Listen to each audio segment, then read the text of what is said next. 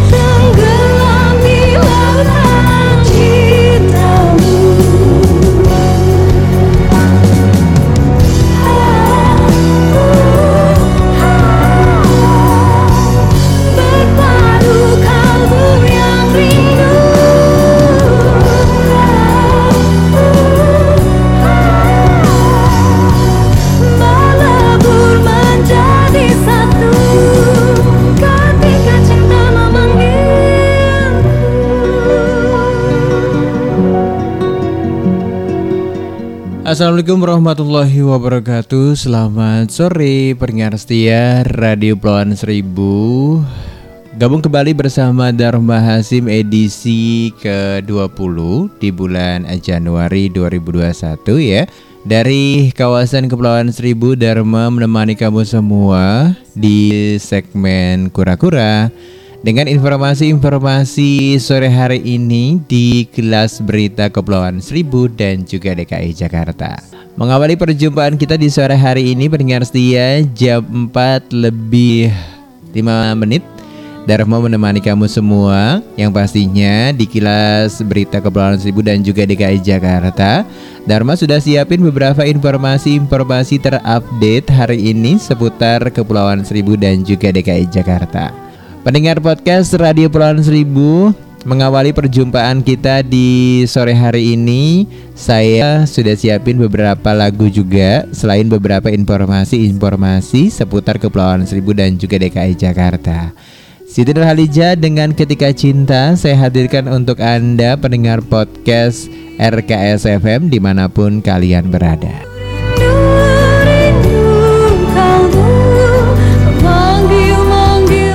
Pendengar setia podcast RKS FM, inilah beberapa informasi-informasi yang saya sudah rangkum di kilas berita Kepulauan Seribu dan juga DKI Jakarta sore hari ini.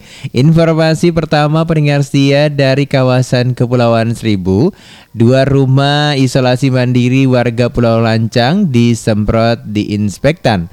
Petugas Sektor 8 Suku Dinas Penanggulangan Kebakaran dan Penyelamatan atau Sudin Gulkarmat Kota Jakarta Utara dan Kepulauan Sibu melakukan penyemprotan di inspektan terhadap dua rumah warga yang digunakan untuk isolasi mandiri. Menurut Kepala Sektor 8 Sudin Gulkarmat Jakarta Utara dan Kepulauan Seribu Eko Mahendro mengatakan Rumah warga yang diinfeksi masing-masing di RT 01, RW 02, dan RW 03, RW 03 Kelurahan Pulau Pari, Kecamatan Kepulauan Seribu Selatan.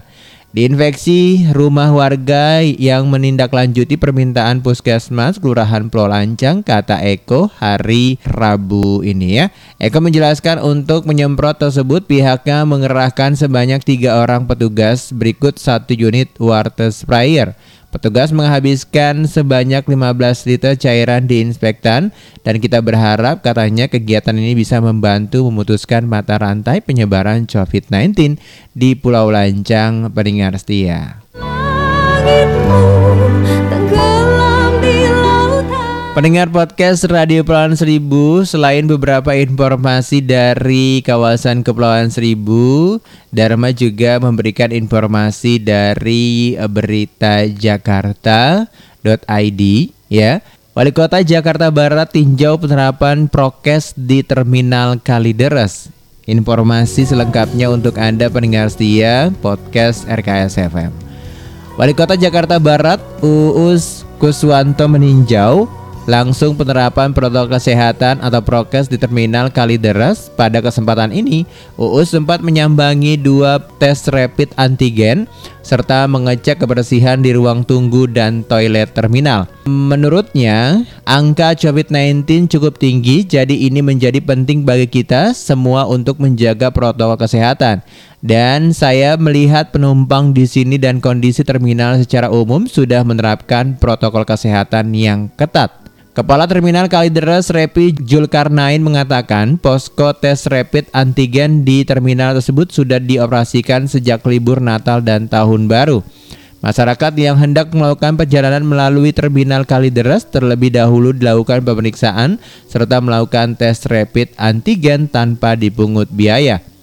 Dikatakan Repi sejak pemberlakuan pembatasan kegiatan masyarakat atau PPKM Jawa Bali atau sejak tanggal 11 Januari 2021 hingga saat ini pihaknya belum menemukan kasus warga yang terpapar COVID-19 di lingkungan terminal. Kalau saat libur Nataru atau sejak 18 Desember 2020 hingga 4 Januari 2021 kami menemukan satu kasus penumpang yang terpapar COVID-19 dan langsung dibawa ambulan untuk dirujuk ke puskesmas sesuai domisili katanya. Pihaknya sambung Repi mengimbau kepada masyarakat untuk selalu disiplin menerapkan protokol kesehatan yaitu 3M terutama saat beraktivitas di luar rumah. Tetap memakai masker, menjaga jarak, dan rajin mencuci tangan sebaiknya tetap di rumah tandasnya. Pendengar setia podcast Radio Kepulauan Seribu Itulah beberapa informasi dari kawasan Kepulauan Seribu dan juga DKI Jakarta Buat para pendengar podcast di mana pun kalian berada Ya, pastinya masih banyak informasi-informasi dari kawasan Pulau Seribu Dharma hadirkan untuk Anda di sore hari ini. Jadi tetap setia ya bersama Radio Pulau Seribu. Pastinya Dharma akan kembali lagi untuk Anda. Jangan ke mana-mana. Dengerin dulu ya beberapa lagu sajian dari Kepulauan Seribu. Kabupaten Administrasi Kepulauan Seribu bersama Bisa.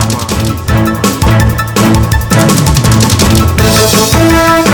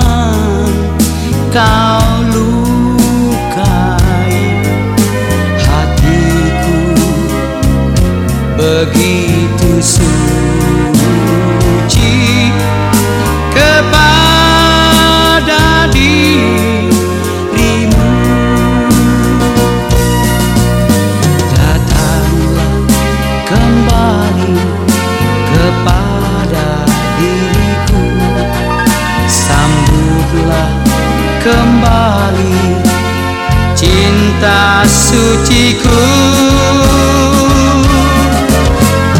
Jangan kau biarkan Jangan kau abaikan cintaku begitu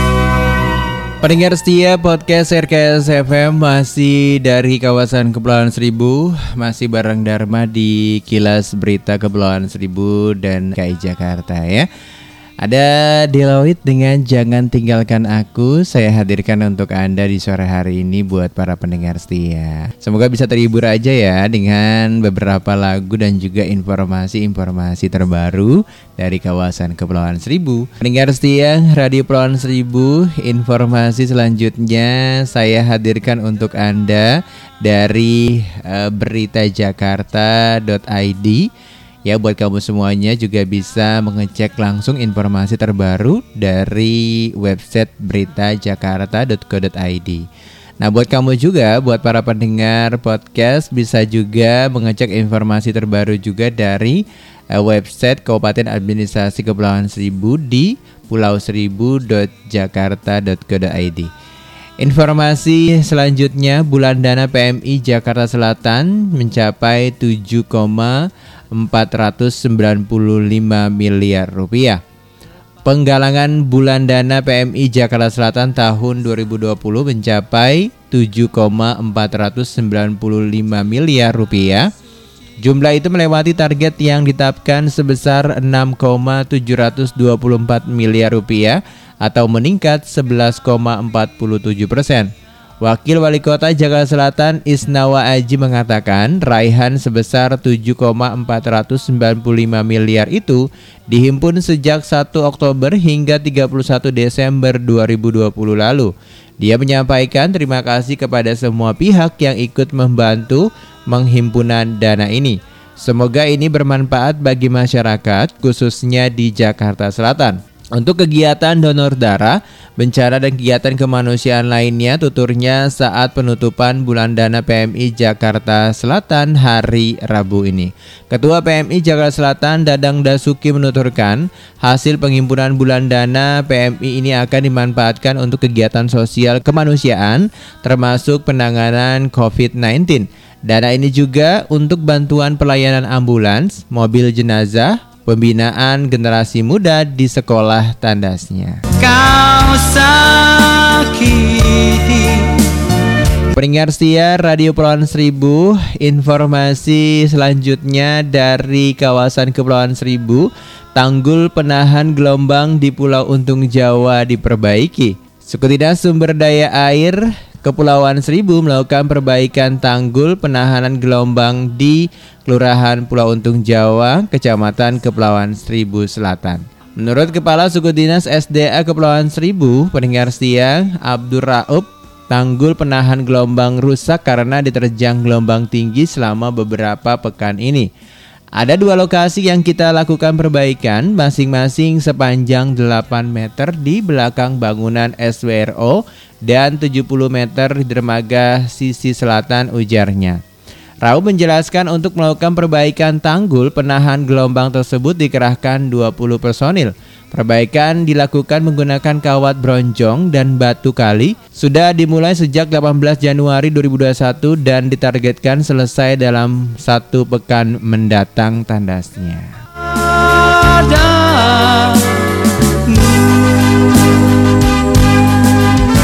Pendengar setia Radio Podcast RKS FM Selamat bergabung kembali aja buat kamu semuanya Warga Jakarta, Kepulauan Seribu dan juga khususnya eh, Yang lagi dengerin podcast selalu ya. Nah buat kamu semua bisa dengerin juga melalui Spotify. Ya bisa ngecek eh, podcast kita di RKS Podcast. Jadi buat kamu bisa mendapatkan informasi-informasi dari kawasan Kepulauan Seribu dan juga DKI Jakarta pendengar setia. Selain informasi-informasi juga yang kita hadirkan untuk kamu semua pendengar kita juga seperti biasa siaran dari Senin sampai Sabtu ya. Jadi bisa kamu dengarkan setiap harinya di jam-jam yang berbeda ya. Kamu juga bisa dengerin beberapa lagu-lagu mulai lagu-lagu eh, dangdut ya, dangdut original, pop, pop Indonesia dan juga pop barat dan juga tembang-tembang kenangan. Nah, pendengar siapa seribu, selain itu juga banyak artikel menarik dan juga tips-tips seru ya bersama kru Radio Kepulauan Seribu. Nah, buat kamu semua Pastinya jangan lupa dengerin ya podcast Radio Kepulauan Seribu. Jangan ke mana-mana dulu, Dharma masih akan kembali lagi di kilas berita Kepulauan Seribu dan juga DKI Jakarta selepas beberapa tembang lagu kenangan berikut ini. Jadi tetap setia bersama Radio Podcast RKS FM. Kabupaten Administrasi Kepulauan Seribu bersama Bisa. Di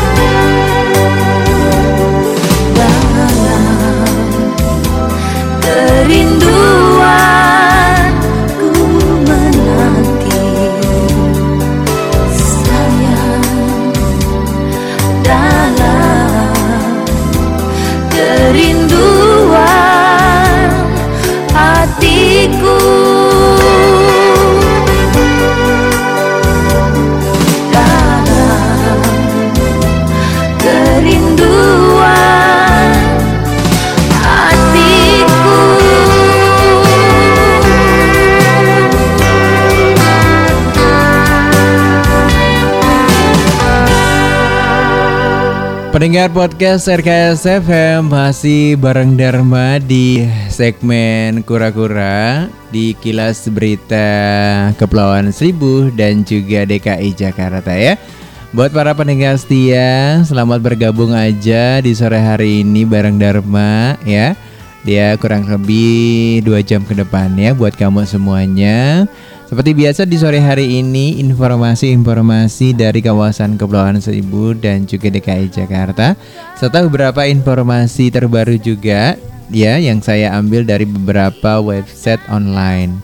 Nah, di antaranya peninggal setia dari detik.com menurut Menteri Pendidikan dan Kebudayaan Nadiem Makarim 34.200 sekolah sudah gelar belajar tatap muka. Nanti tiada kembali Pendengar podcast Radio Pulauan Seribu, Menteri Pendidikan dan Kebudayaan Nadia Makari mengatakan ada sekitar 34.200 sekolah yang sudah menggelar pembelajaran tatap muka di tengah pandemi COVID-19. Sisanya sekitar 186.552 sekolah masih menggelar belajar dari rumah. Dengan adanya riset dan survei dan yang melaksanakan pembelajaran tatap muka sampai saat ini ada 15% atau sekitar 34.200 sekolah dari semua satuan pendidikan kita. Sedangkan 186.552 sekolah atau sekitar 84,5 persen belajar dari rumah. Kata Nadia Makarim dalam rapat bersama Komisi 10 DPR hari Rabu tanggal 20 Januari 2021. Nadia Makarim hadir secara virtual. Nadia Makarim menilai tingkat kemauan pemerintah daerah untuk membuka belajar tatap muka kini masih rendah, terutama daerah yang menjadi klaster tertinggi kasus COVID-19. Jadi walaupun kita sudah memberikan otoritas kepada Pemda untuk tetap muka tingkat kemauan masih cukup rendah apalagi di daerah yang cukup besar ujarnya. Sebagai informasi pendengar siang, terutama di kota besar di mana klaster pandemi yang memprihatinkan contohnya adalah di DKI Jakarta hanya satu persen tatap muka, Surabaya 3 persen, Bandung 3 persen, Medan 6 persen dan Palembang 5 persen. Lanjut Nadia Makarim.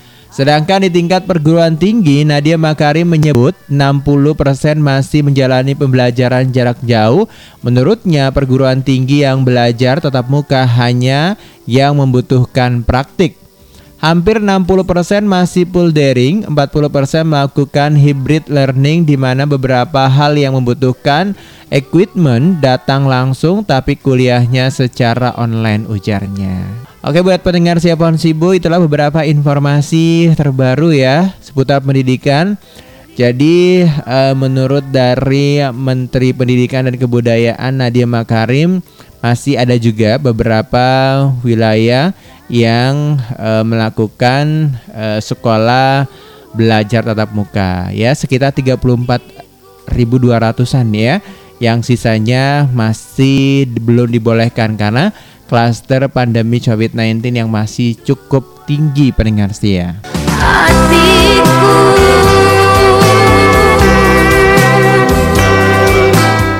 Ya pendengar setia podcast RKS FM Informasi lain juga saya hadirkan untuk Anda di kawasan eh, Jakarta. Empat rumah pompa underpass di Jakarta Pusat bakal dipasang CCTV Informasi ini saya ambil dari berita jakarta.co.id. Suku Dinas Bina Marga Jakarta Pusat akan memasang alat kamera pengintai atau CCTV di empat rumah pompa underpass.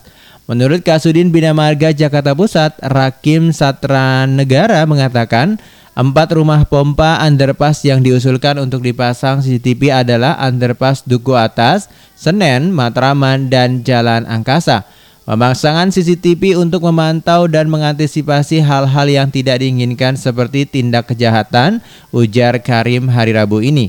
Dia menjelaskan tindak kriminal berupa pencurian kabel listrik pernah terjadi di rumah pompa underpass Duku Atas. Dalam aksinya, pelaku memotong kabel listrik dari meteran KWH ke mesin pompa. Dengan pemasangan CCTV ini lanjut Rakim, diharapkan tindak kejahatan pencurian kabel listrik yang dapat mengganggu kerja mesin pompa dapat diantisipasi dan ditangani lebih cepat. Memasuki musim penghujan, kami pastikan seluruh pompa underpass di Jakarta Pusat berfungsi optimal tandasnya. Ya itulah beberapa informasi informasi dari kawasan Kepulauan Seribu dan juga DKI Jakarta pendengar ya. Jadi buat kamu semuanya, jangan ke mana-mana dulu ya. Mama masih akan kembali lagi dengan informasi di kilas berita Kepulauan Seribu dan juga DKI Jakarta. Selepas beberapa lagu berikut ini, jadi tetap sia bersama Radio Podcast Kepulauan Seribu. Kabupaten Administrasi Kepulauan Seribu bersama Bisa.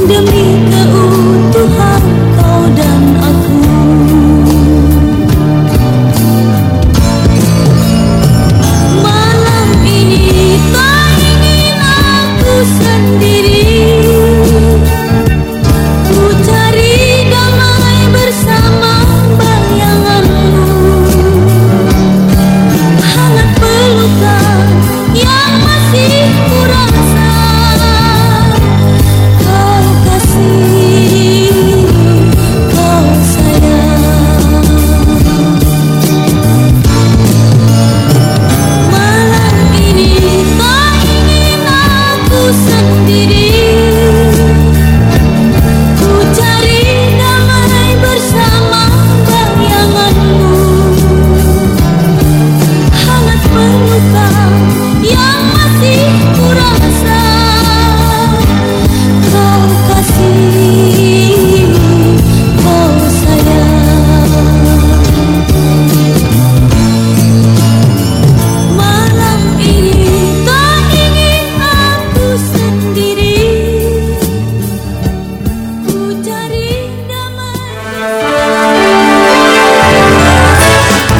Kabupaten Administrasi Kepulauan Seribu bersama bisa.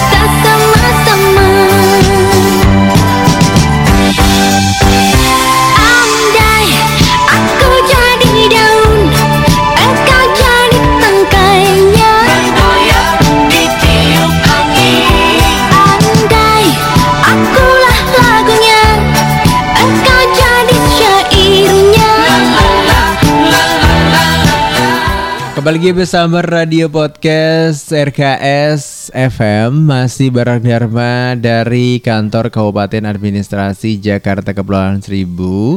Ya menemani kamu semua di segmen Kura-Kura Di kilas berita Kepulauan Seribu dan juga DKI Jakarta. Gak terasa nih sudah satu jam berlalu dari ruang dengar Anda Ya Dharma memberikan informasi-informasi dari kawasan Kepulauan Seribu dan juga DKI Jakarta. Serta beberapa informasi-informasi lain juga yang saya ambil dari sumber website terpercaya pastinya ya.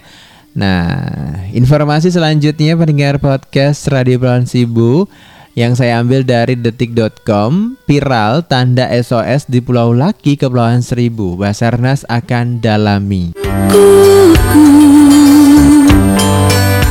Pendengar podcast Radio Pulau Seribu, media sosial dihebohkan oleh kemunculan tanda SOS di Pulau Laki, Kepulauan Seribu di aplikasi Google Maps. Basarnas akan mendalami hal ini. Kemunculan tanda SOS di Pulau Laki ini ramai dibahas di sosial media baik itu di TikTok hingga Twitter. Seperti ketahui, Pulau Laki berada di dekat lokasi jatuhnya pesawat Sriwijaya Air SJ182. Basarnas belum menerima info tersebut. Sampai saat ini saya belum terima info tersebut datanya. Nanti kita akan cek sesuai dengan informasi yang diberikan kata Direktur Operasi Basarnas Brigjen Rasman MS saat ditemui di gedung kontainer terminal Jakarta Utara hari Rabu ini. Rasman mengatakan hingga saat ini tidak ada keterangan tentang penumpang Sriwijaya Air SJ182 yang masih hidup. Pihaknya akan mendalami hal ini tapi tak mau berspekulasi. Saat ini tidak ada keterangan yang kita dapat bahwa ada penumpang yang hidup. Jadi untuk tanda SOS tadi kita coba dalami nanti. Saya tidak mau berspekulasi apa yang ada di situ ungkapnya. Dia menduga bisa saja itu merupakan penyelam Basarnas yang mendirikan posko di pulau tersebut. Dia akan lebih dahulu mengeceknya. Sebelumnya diberitakan ini merupakan hari ke-12 evakuasi Sriwijaya Air. Tim SAR gabungan bakal melakukan pencarian ke pesisir pantai utara Jawa seperti di Banten ataupun Jakarta. Kemudian untuk pelaksanaan kegiatan, cuaca hari ini cukup bagus untuk melakukan kegiatan penyelaman. Untuk rencana operasi sendiri tetap kita melakukan tiga media di atas permukaan, udara, di bawah permukaan kata Rasman. Untuk udara tetap pemantauan dengan wilayah yang telah kita berikan. Untuk di atas permukaan tetap kita upayakan di sekitar pulau. Kemudian di pesisir pantai utara Jawa ke arah Jakarta, Banten dan sebagainya. Jadi pendengar siap pohon seribu uh, segera dikonfirmasi ya kalau memang itu ada keterangan bahwa di media sosial memang lagi rame soal di aplikasi Google Map tanda SOS ini. Dari pihak Basarnas juga tidak bisa berspekulasi bahwa itu ada atau tidak. Bisa saja mungkin ini masih dugaan saja apakah ada oknum yang tidak bertanggung jawab melakukan tindakan ini gitu ya karena ini juga sangat meresahkan bagi semua orang pendengar setia. Andai aku jadi bunga Engkau jadi Pendengar setia podcast RKS FM Sementara itu informasi dari detik.com Jokowi tinjau posko evakuasi Sriwijaya Air SJ182 di JICT 2 Andai aku Presiden Joko Widodo atau Jokowi meninjau posko darurat evakuasi jatuhnya pesawat Sriwijaya Air SJ182 di Jakarta International Container Terminal atau JICT 2. Jokowi disambut sejumlah pejabat dalam peninjauan kali ini. Dari video yang ditayangkan Sekretariat Presiden, Joko Widodo tiba di JICC 2, Jakarta Utara hari Rabu pada pukul 14 lebih 10 waktu Indonesia Barat. Setiba di JICT 2, Jokowi masuki tenda Basarnas dan disambut oleh Kepala Basarnas eh, TNI Bagus Purohito. Adapun pejabat yang mendampingi Jokowi mulai dari Menteri Perhubungan Budi Karya Sumadi hingga Dirut Jasa Raharja Budi Raharjo. Bagus dan Sunjato memberikan paparan masing-masing di depan Jokowi. Setelah itu Jokowi menuju lokasi tempat penampungan puing pesawat Sriwijaya Air SJ182. Kemudian kegiatan diakhiri pemberian santunan oleh Menhub Budi Karya dan Dirut Jasara Harja Budi kepada keluarga korban. Jokowi sendiri yang akan menyaksikan proses penyerahan santunan tersebut. Sebelumnya, Menteri Perhubungan Budi Karya Sumadi menyambangi JICT 2 kemarin sore. Budi Karya mengecek kesiapan JICT 2 sebagai tempat penampungan temuan dari pencarian penumpang dan pesawat Sriwijaya Air SJ182 yang ditinjau oleh Jokowi hari ini. Andai aku Ya pendengar siapa Ibu itulah beberapa informasi-informasi yang saya ambil dari website online Jadi buat kamu semuanya jangan ke mana-mana dulu ya Selepas beberapa lagu berikut ini, Radio Podcast RKS FM akan kembali lagi dengan informasi seputar Kepulauan Seribu dan juga DKI Jakarta. Tetap siap bersama Radio Podcast RKS FM. Kabupaten Administrasi Kepulauan Seribu bersama Bisa. Thank you.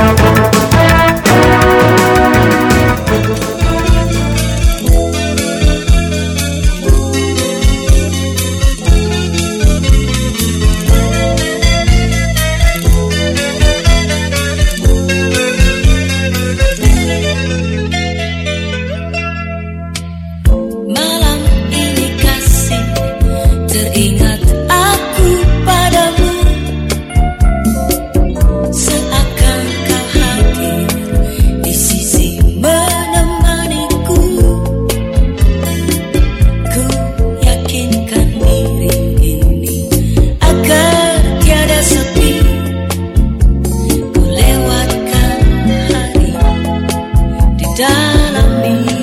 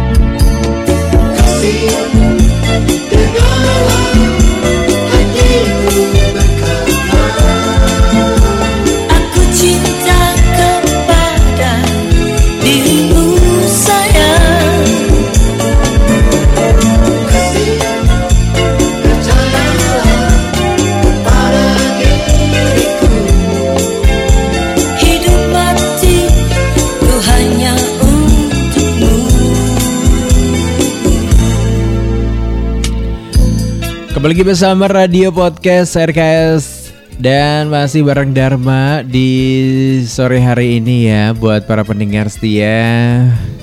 Masih dari kawasan Kepulauan Seribu, Dharma bersiaran untuk Anda di sore hari ini. Buat kamu semuanya yang masih tetap beraktivitas ya, yang hari ini udah siap-siap pulang. Udah jam berapa ini? Sudah sore banget ya. Pastinya baik kamu semuanya tetap melakukan protokol kesehatan ya dengan selalu menggunakan masker, menjaga jarak dan mencuci tangan. Nah ini demi kesehatan kita bersama ya buat para pendengar podcast, apalagi buat kamu yang menggunakan transportasi umum ya. Eh, biasanya kalau di daratan Jakarta, uh, menggunakan seperti bus, kereta gitu ya. Walaupun kalau menggunakan kendaraan pribadi seperti mobil dan juga motor, tetap harus ya menggunakan masker walaupun kamu cuma hanya sendiri. Ini demi kesehatan kita bersama pendengar setia podcast RKS FM. Tak lupa juga dari kawasan Kepulauan Seribu ya buat teman-teman yang eh, mau pulang ya kan. Eh, biasanya nunggu ojek kalau di kawasan Pulau Seribu biasanya kendaraan antar pulau disebutnya ojek gitu ya. Kalau di daratan Jakarta ojek itu adalah kendaraan bermotor gitu. Beda lagi sama di kawasan Kepulauan Seribu ya, kayak di Pulau Panggang dan Pramuka itu menggunakan kapal kecil atau disebutnya ojek. Nah, biasanya kan banyak tuh, ya kan? Duduknya juga berdekat-dekatan, tetap ya jaga jarak dan usahakan untuk selalu menerapkan protokol kesehatan menggunakan masker. Jadi, tetap ya buat kamu untuk selalu mematuhi aturan yang berlaku. Nah, pendengar setia podcast RKS di mana pun kalian berada, informasi selanjutnya saya hadirkan dari Kepulauan Seribu dan juga DKI Jakarta. Gugus tugas COVID-19 Pulau Kelapa terus gencarkan operasi tertib masker. Pendengar setia, gugus tugas COVID-19 Kelurahan Pulau Kelapa, Kecamatan Kepulauan Seribu Utara, Kepulauan Seribu terus menggencarkan operasi tertib masker. Kali ini, operasi tertib masker dilakukan di lingkungan permukiman dan dermaga utama Pulau Kelapa. Menurut Kepala Seksi Pemerintahan Kelurahan Pulau Kelapa, Muslim, operasi tertib masker didahului dengan apel gabungan di halaman kelurahan ke- setempat yang diikuti unsur Satpol PP, anggota Polsek Kecamatan Kepulauan Seribu Utara, personil Gul Karmat, tim kesehatan, Forum Kewaspadaan Dini Masyarakat atau FKDM, Lembaga Musyawarah Kelurahan atau LMK, hingga pengurus RT dan RW. Dan alhamdulillahnya katanya razia hari ini tidak ditemukan adanya pelanggaran. Menurutnya dalam pelaksanaan operasi tertib masker tersebut juga dilakukan sosialisasi dan edukasi kepada warga agar terus disiplin melaksanakan protokol kesehatan 3M. Kami ingin warga walaupun wisatawan betul-betul mematuhi protokol kesehatan untuk mencegah penularan COVID-19 tandasnya. Jadi itu ya buat kamu semua para warga Kepulauan Seribu jangan sampai terkena razia ya. Karena operasi tertib masker tetap dilakukan di sejumlah wilayah pemukiman. Jadi buat kamu untuk selalu menggunakan masker. Jangan sampai kamu tertangkap nih. Karena bisa aja ya kalau tangkap nanti bisa kena denda administrasi atau kamu bisa mengerjakan pekerjaan eh, fasilitas umum ya seperti bersih-bersih dan lain sebagainya. Pendengar podcast Radio Pulau Seribu kita beralih ke informasi dari wilayah DKI Jakarta. Bulan dana PMI Jakarta Barat berhasil kumpulkan 5 miliar rupiah. Percayalah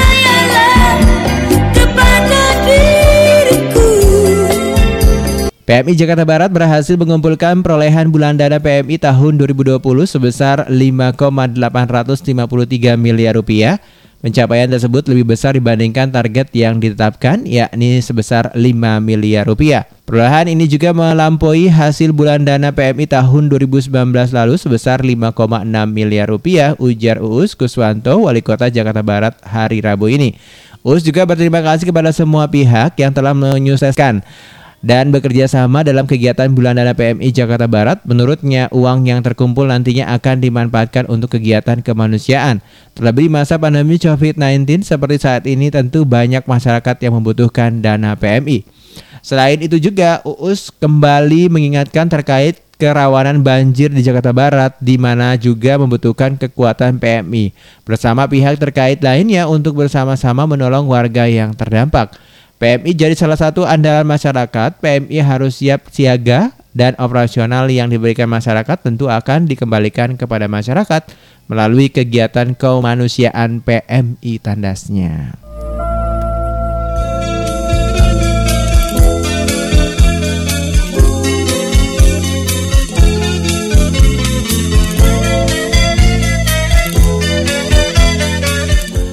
Pendengar setia Radio Podcast RKS FM, itulah beberapa informasi yang saya hadirkan untuk Anda dari kawasan Kepulauan Seribu dan juga DKI Jakarta. Jangan ke mana-mana dulu ya.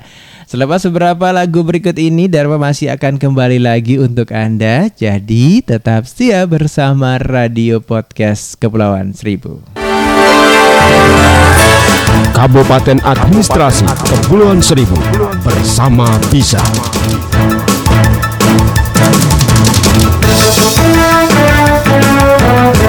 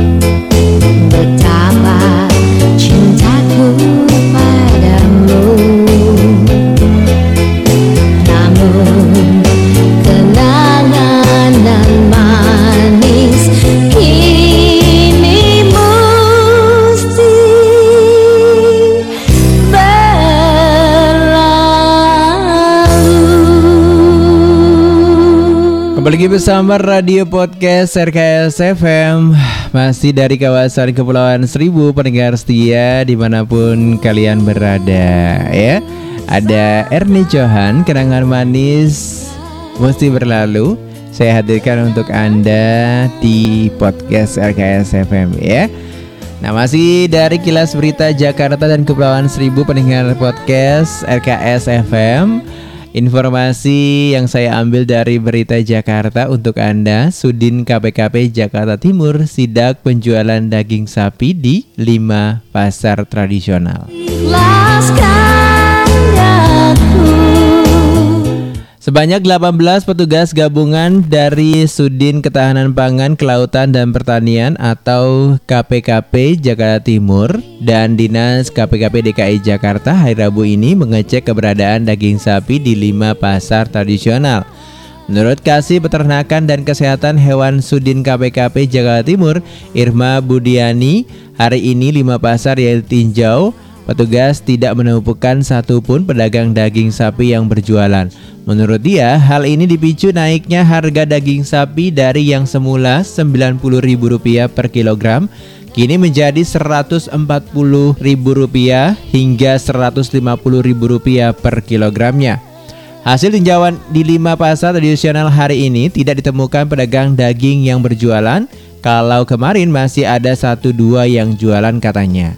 Untuk mengatasi kelangkaan daging sapi ini, kata Irma, pihaknya sudah koordinasi dengan Kementerian Pertanian agar harga daging bisa normal kembali. Karena jika masih tinggi, pedagang akan kesulitan menjualnya. Dari observasi di lapangan Peringasia, kelangkaan daging sapi ini diprediksi sampai 22 hingga 23 Januari mendatang. Karena informasinya pedagang tidak berjualan menunggu harganya turun kembali pungkasnya. Wah kalau tinggi banget nih ya, nggak bisa makan daging nih ya. Oke pendengar siapaan seribu informasi selanjutnya saya hadirkan untuk anda dari kawasan Kepulauan Seribu yang Dharma ambil dari Pulau Seribu.jakarta.co.id. Kantor Kelurahan Pulau Tidung ditutup sementara waktu. Kantor Kelurahan Pulau Tidung Kecamatan Kepulauan Seribu Selatan, Kepulauan Seribu ditutup sementara waktu. Kebijakan ini diambil menyikapi adanya salah satu pegawai yang diketahui terpapar COVID-19. Menurut Lurah Pulau Tidung, Hapsa, selama dilakukan penutupan kantor kelurahan mulai 19 hingga 21 Januari 2021 lalu, layanan dilakukan dengan mekanisme daring. Kebijakan ini harus diterapkan untuk memutus mata rantai penyebaran COVID-19 ujarnya. Hapsa menjelaskan penutupan kantor kelurahan dimanfaatkan untuk melakukan sterilisasi dengan menyemprotan cairan diinspektan. Mulai halaman kantor kelurahan, gerai ATM, ruang pelayanan hingga ruang kerja diinfeksi. Demi menggerakkan empat petugas penanganan prasarana dan sarana umum, kami mengerahkan empat petugas penanganan prasarana dan sarana umum atau PPSU untuk melakukan penyemprotan diinspektan tandasnya.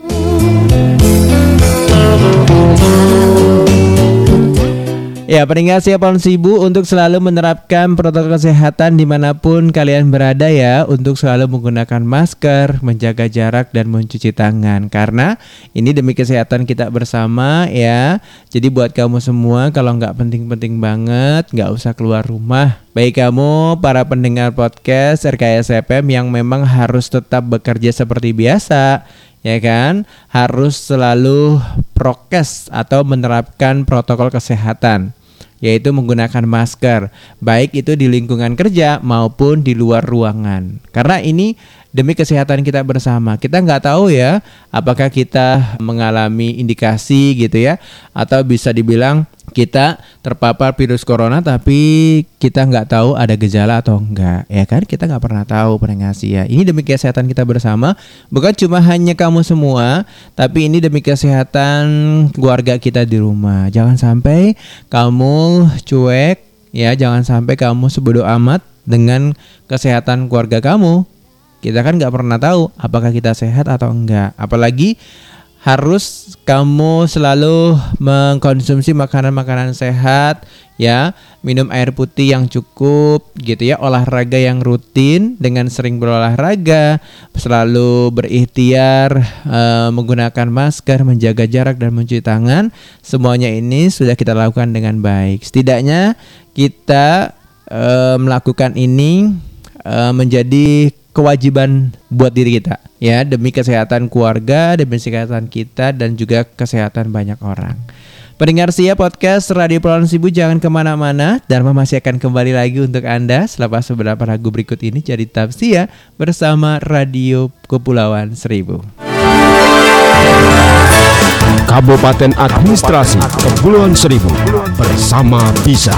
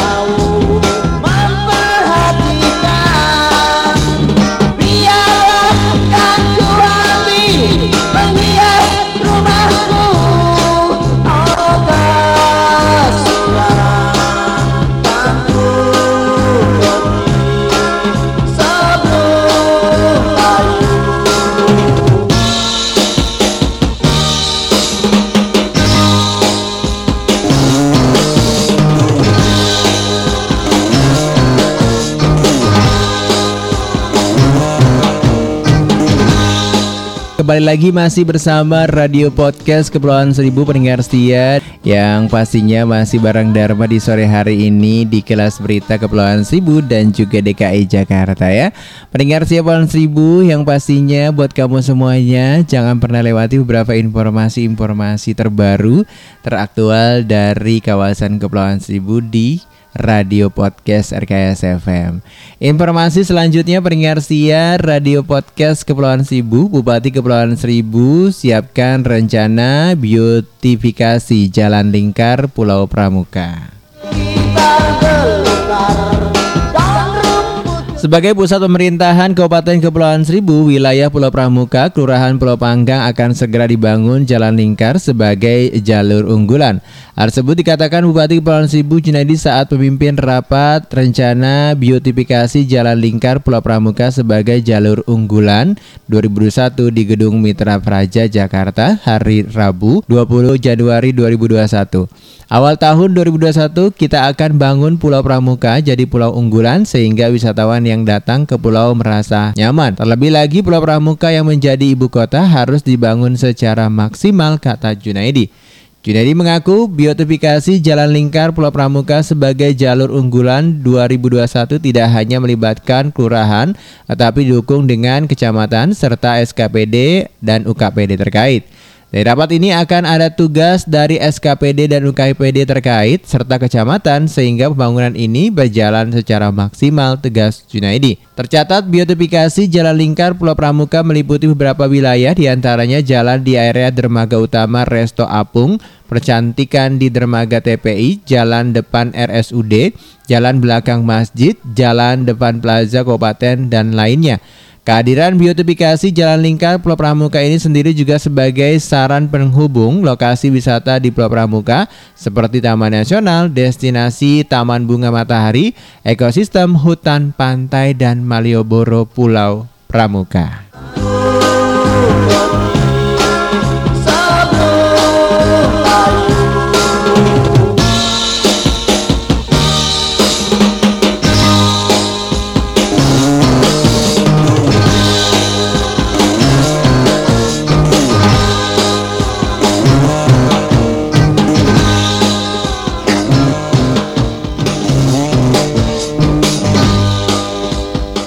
Sementara itu informasi dari berita Kepulauan Seribu, tim kampung Tangguh Jaya Kelurahan Pulau Panggang bagikan masker.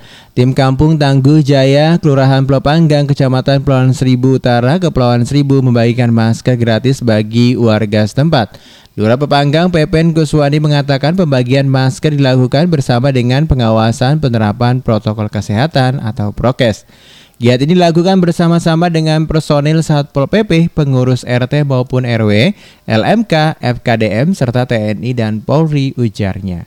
Dia berharap warga semakin patut terhadap prokes pencegahan penyebaran COVID-19, terutama dengan disiplin menggunakan masker saat di luar rumah.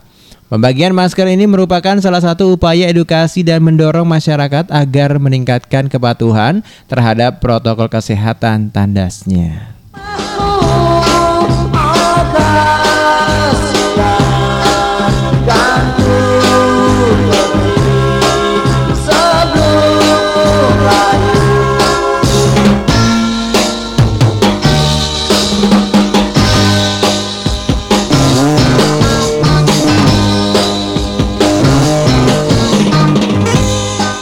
Pendengar siar di Pulau Seribu tuntas sudah kebersamaan kita di sore hari ini di kilas berita Kepulauan Seribu dan juga DKI Jakarta. Buat kamu semua para pendengar podcast RKS FM, bagi kamu yang mau dengerin kita bisa langsung download aja Spotify ya bisa langsung cek di RKS Podcast. Bisa kamu mendapatkan informasi-informasi terbaru setiap harinya dari Senin sampai Sabtu ya. Jadi buat kamu semuanya bisa dengerin informasi-informasi terupdate dan teraktual dari kawasan Pulau Sibu dan juga DKI Jakarta. Saya Dharma Hasim mohon pamit di lain kesempatan Dharma akan kembali lagi untuk Anda semuanya. Wassalamualaikum warahmatullahi wabarakatuh. Kabupaten Administrasi Kepulauan Seribu bersama Bisa.